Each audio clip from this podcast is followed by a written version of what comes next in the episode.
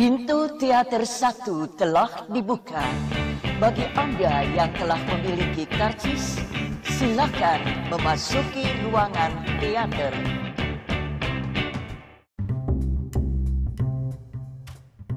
Yo, balik lagi sama gue Mustafa di podcast Habis Nonton Film Kali ini gue mau ngomongin film terbaru dari Joko Anwar yang ternyata uh, membuat gue merasa kalau ternyata Joko Anwar tuh nggak nggak selalu bagus ya.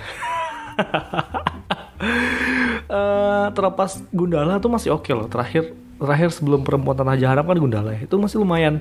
Tapi ini kenapa perempuan tanah jahanam itu uh, terasa terasa sangat general dan terasa sangat apa ya nggak ada nggak ada lagi misteri-misteri yang biasa ada di film Joko Anwar gitu dalam film ini karena semua ter, sangat terpapar jelas dan banyak banget hal yang gue rasa tidak tidak selaras dengan apa yang gue inginkan uh, sebagai penonton dan tidak selaras sebagai penikmat film gitu ya. Uh, pertama, eh, kampung-kampung uh, di desa-desa itu itu gak selalu berasap.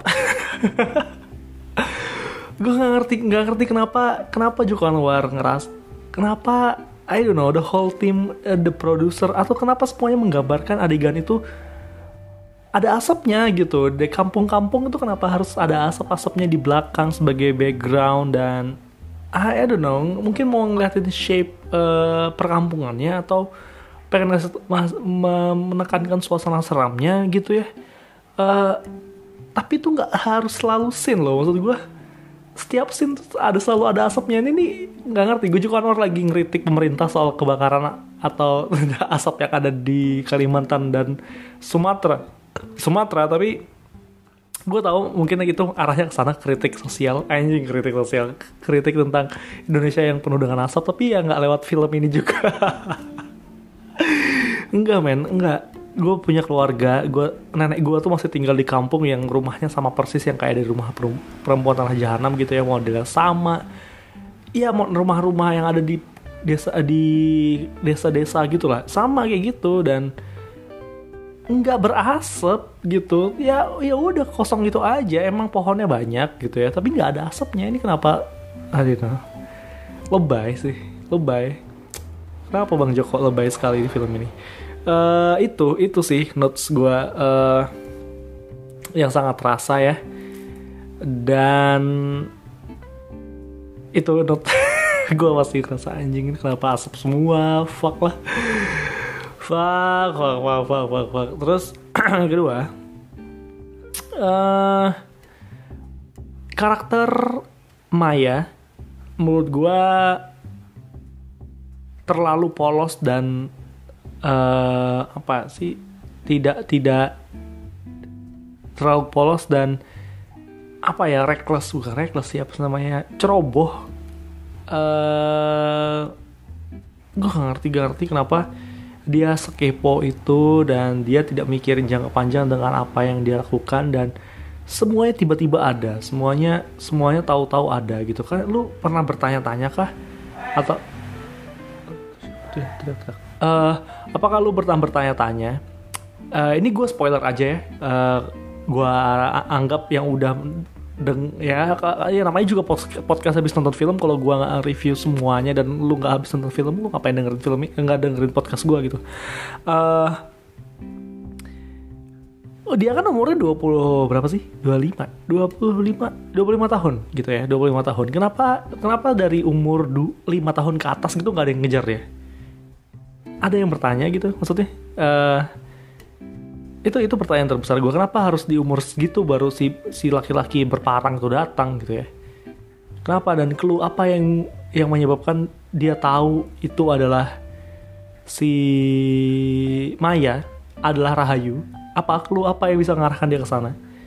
Uh, itu gue nggak tahu. Kalau misalnya lu tahu lu lu boleh komen atau apalah gimana caranya.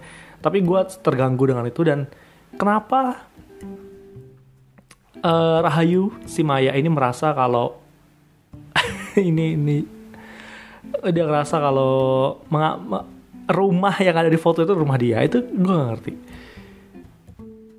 Gak ngerti gue kenapa kenapa dia ngera dan tiba-tiba ada foto itu terus di alasannya gue ngubek-ngubek uh, berkas-berkas gue terus gue ketemu foto gitu kayak anjing gitu kenapa kenapa lu baru ngubek-ngubek setelah ada kejadian itu ah ngerti gue kenapa kenapa tiba-tiba banyak hal yang yang secara storytelling, secara naskah tuh menurut gue terlalu banyak yang tiba-tiba dan itu mengganggu sekali sih.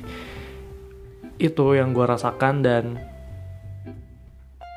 uh, itu datangnya tiba-tiba terus dia ngerasa oke okay, kita kalau ambil rumah itu berarti itu bisa menjawab ke apa kemiskinan dia gitu ya. Nah, so we got the uh, her goal uh, adalah untuk mendapatkan hak rumah itu dan dia menjadi kaya. Uh, itu adalah tujuan utama si karakternya yaitu si Maya yang ternyata itu adalah cara yang salah untuk menjadi kaya kayak gitu ya uh, dan dan gue gue gue sadar sih gue dengan sangat sadar adanya karakter ini adalah untuk meyakinkan bahwa apa yang dilakukan oleh Maya itu semua salah karakter dia tuh selalu gitu ngingetin lu nggak usah kasih lah ngapain? Lu emang lu tahu di sana kayak gimana kayak gimana. Tapi itu nggak kuat menurut gue sayang karakternya tuh sayang banget. Dia tidak menahan itu dengan dengan dengan berbagai cara yang dia bisa gitu ya. Dan gue dan kita harusnya sadar kalau misalnya uh, pilihan yang dipilih oleh karakter utama itu adalah pilihan terakhir. Nggak ada pilihan lain. Oke? Okay. uh, eh, apakah tidak ada pekerjaan lain gitu ya? Ataukah apakah tidak keluarga lain yang bisa tertolong atau apa gitu? Nggak ada nggak ada nggak ada cara lain? Apakah dengan mengambil rumah itu dan itu tidak itu tuh nggak kegambar di karakter karakter dia sebelumnya? Gue nggak ngerasa kalau si Maya itu adalah orang yang materialistis gitu ya materialistik gitu ya. Ngerasa kalau uh, punya duit banyak adalah cara untuk menyelesaikan kehidupan dia yang sengsara gitu. Gue nggak gue nggak kebayang. Gue nggak tergambar itu sih. Uh, dia masih perawan gue juga ngerti kenapa masih perawan. Kenapa harus dibahas juga di sana? Apakah dia tidak punya kekasih atau atau nggak tahu pendidikannya kita nggak tahu. Uh, dangkal karakternya dangkal banget. Gue ngerasa karakter Maya ini dangkal. Semua hanya diceritakan by verbal. Ini ini ini adalah tipe tipe film mumblecore ya. Untuk teman-teman yang belum tahu mumblecore itu tipe film yang ngoceh mulu uh, kayak lo nonton Before Sunrise itu mumblecore Lady Bird itu mumblecore. Banyak banyak film Amerika yang ya mumblecore yang usia ngoceh mulu. Itu ini ini salah satu film yang bergenre kayak gitu ya. Ngoceh ngoceh mulu. Nggak ada salahnya mumblecore itu itu sah sah aja tapi karakternya itu dangkal. Gue ngerasa banyak hal yang tidak diceritakan banyak hal yang sepotong-sepotong gitu terus tiba-tiba ada kayak tiba-tiba dapat buk tiba-tiba dapat apa uh, apa sih uh, foto itu gitu ya terus ah gitulah. Uh, terus tiba-tiba datang ada orang yang bolak-balik lima kali gitu ya. Kenapa baru saat itu? Kenapa baru ketemu di sana? Dan ah ngerti kenapa. Kenapa dia tahu dia ada di kota itu gitu? Aneh kan maksudnya? Aneh kan luas banget dunia ini luas banget gitu eh kebetulan mungkin ya nggak ngerti gue itu sih uh, apalagi karakter Wah, aduh, gue kalau mau ngomongin soal flashbacknya tuh lazy sih bang, gue males banget. Uh, gak ngerti bang Joko kenapa, kenapa apakah kejar setoran mungkin gak ngerti. Uh, sorry, sorry bang Joko maksudnya nggak. Uh, jarang banget uh, ada penceritaan nih dari film-film bang Joko ya gue gue tuh nggak nggak nonton semua. Gue pintu ter pintu terlarang gue nggak nonton, nonton atau enggak modus anomali gue nonton kala gue nonton a copy of my mind gue nonton pengabdi setan gue nonton janji Joni gue nonton uh, apalagi ya lumayan tapi gue pintu terlarang kayak nggak inget nonton atau enggak itu oke okay, itu semuanya punya punya karakteristik yang berbeda-beda gitu ya. Tapi nggak banyak yang menggunakan flashback sebagai cara bertutur untuk menyelesaikan uh, problem yang ada di film tersebut. Baru kali ini dan ini sangat banyak dan ah, I don't malas sekali rasanya untuk mendapatkan segala informasi yang sebenarnya nggak usah dibuka semua itu akan jadi lebih menarik. Tapi karena memang plot twist yang dipaksakan ini itu terlalu terlalu rumit ya. Bukan terlalu rumit gimana ya? Kalau dituturkan secara visual dan secara linear itu terlalu rumit jadi dibalik lagi ke belakang gitu supaya bisa bisa jelas. Dan enggak sih gue aduh apa sih ketika gue ngeliat flashback flashback tidak penting itu aduh apa kata penting? Penting sih itu untuk ngejelasin ke penonton awam kalau ini loh sebenarnya ceritanya. Dan dan gue rasa uh, karena banyak PH yang sang, yang memproduksi ini dan wow co-produsernya banyak banget associate produsernya banyak banget. Jadi gue ngerasa mungkin banyak uh, pengaruh sana sini atau tuntutan sana sini yang memaksa untuk ah Joko lu harus bikin film yang semua orang ngerti nih gitu. Jangan kayak pengabdi setan yang agak-agak banyak yang ngerti tapi lu harus bikin yang sejelas-jelasnya ya segamblang-gamblangnya. Terjadilah nih uh, perempuan tanah jahanam yang gamblang gamblang banget. Aduh semua dibuka semua semuanya dibuka tapi itu tetap membuat uh, eh, semua dibuka itu ini ya uh, apa sih rahasia di balik uh, kutukan itu ya. Tapi bukan latar belakang si cewek si anak ini terus kehidupan dia selama umur 5 sampai 25 tahun itu kayak gimana itu nggak tergambar juga. Uh, terus ada si hantu tiga anak-anak ini terus kenapa neneknya uh, mengutuk merasa kalau anak haram itu tidak boleh lahir itu gue banyak banget pertanyaan yang ada di kepala gue yang selama nonton yang ya mengganggu sih. Tapi gue ngerasa uh, secara skrip ini berantakan dan dan ini kayak kayak baca naskah draft 3 uh, eh, draft 2 kali ya.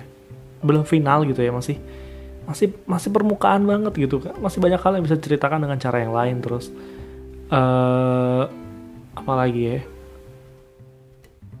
Itu um, yang gue rasain. Terlepas dari bagaimana bagusnya Joko Anwar mempromosikan film ini dan gue salut bagaimana cara Bang Joko ngepromosin filmnya it's totally a great uh, teknik and strategy. Tapi filmnya sorry uh, no offense uh, mengecewakan tidak sesuai dengan kualitas yang saya harapkan datang dari Joko Anwar. Uh, nggak ngerti gue kenapa kenapa jadinya seperti ini. Anjing. Ya memang nggak ngerti gue nggak ngerti. Uh, selama nonton kayak motivasinya itu kan dia untuk menjadi kaya ya. Uh, tapi seberapa banyak si karakter utama si Maya atau si Rahayu ini berpikir tentang kalau oh rumah ini adalah solusinya. Rumah ini solusi gue nih. Gue harus segera mendapatkan ini. Dan banyak banget uh, action action yang tidak sesuai dengan cara berpikirnya si siapa? Si Maya ini. Kayak dia tiba-tiba ngaku anak kuliahan bla bla bla bla bla bla. Terus dia memutuskan untuk pergi ke sana bermodalkan tadinya katanya di Google Maps nggak ada terus nelpon pemerintah gitu. Ah, apa sih nelpon pemerintah? Kenapa apa sih itu kan dia tandanya dia pintar tapi kenapa di beberapa film dia terlihat ceroboh? Gue ngerti kayak kayak dia yakin banget rumah aduh dan dua orang yang punya otak terus tidur di rumah kosong serem kayak gitu tuh siapa sih? Nggak ada nggak ada dua orang kalau manusia normal tuh nggak ada yang kayak gitu. I, I know this is a film this is a movie this is a fiction but that's not we people live uh, kita tuh nggak hidup kayak gitu. Kita tuh hidup di cara yang yang masuk akal juga gitu loh. E, cari tempat tinggal yang masuk akal gitu ya. Nggak rumah yang penuh dengan semak belukar dan berdebu. Terus tiba-tiba ditempatin gitu ya. Nggak gitu. Harus ada iya solusi yang lain. Nggak nggak nggak se sebego itu sih. Kayak serem banget tidur di rumah, rumah dengan pakai lampu gitu kan. Aneh gitu ya. Aneh kan banyak banyak banyak banget hal-hal yang gue pertanyakan sepanjang film dan kayak ini. Terutama aksen Jawa yang ya mungkin banyak yang dipaksakan aksennya medok-medoknya logat-logatnya dipaksakan. Tapi meskipun gue harus memaklumi gitu ya tapi itu sebenarnya tidak bagus karena uh, tidak bisa dibohongi kalau aksen Jawa itu convincing uh, kita kalau misalnya dia benar-benar berdarah Jawa. Beberapa orang dalam film itu berhasil mengeluarkan aksen Jawa yang tepat karena kayaknya memang dia bisa berbahasa Jawa tapi sisanya banyak yang enggak. Dan itu tidak meyakinkan gue kalau misalnya dia orang asli sana itu gue tahu dia pemeran gitu harusnya film bisa membuat gue yakin kalau dia tuh benar-benar warga sana gitu. Uh, apalagi ya? Banyak banyak banyak banyak anak hal-hal aneh yang ah, aku ngerti. Apa apa kalau kalau uh, nyi nyi itu siapa sih? Nyai Misni ah siapa namanya itu?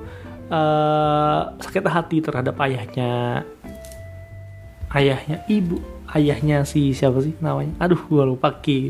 Kita pokoknya itulah yang menghamili dia. Kenapa nggak disantet aja dari dulu ya? Ya selesai kan?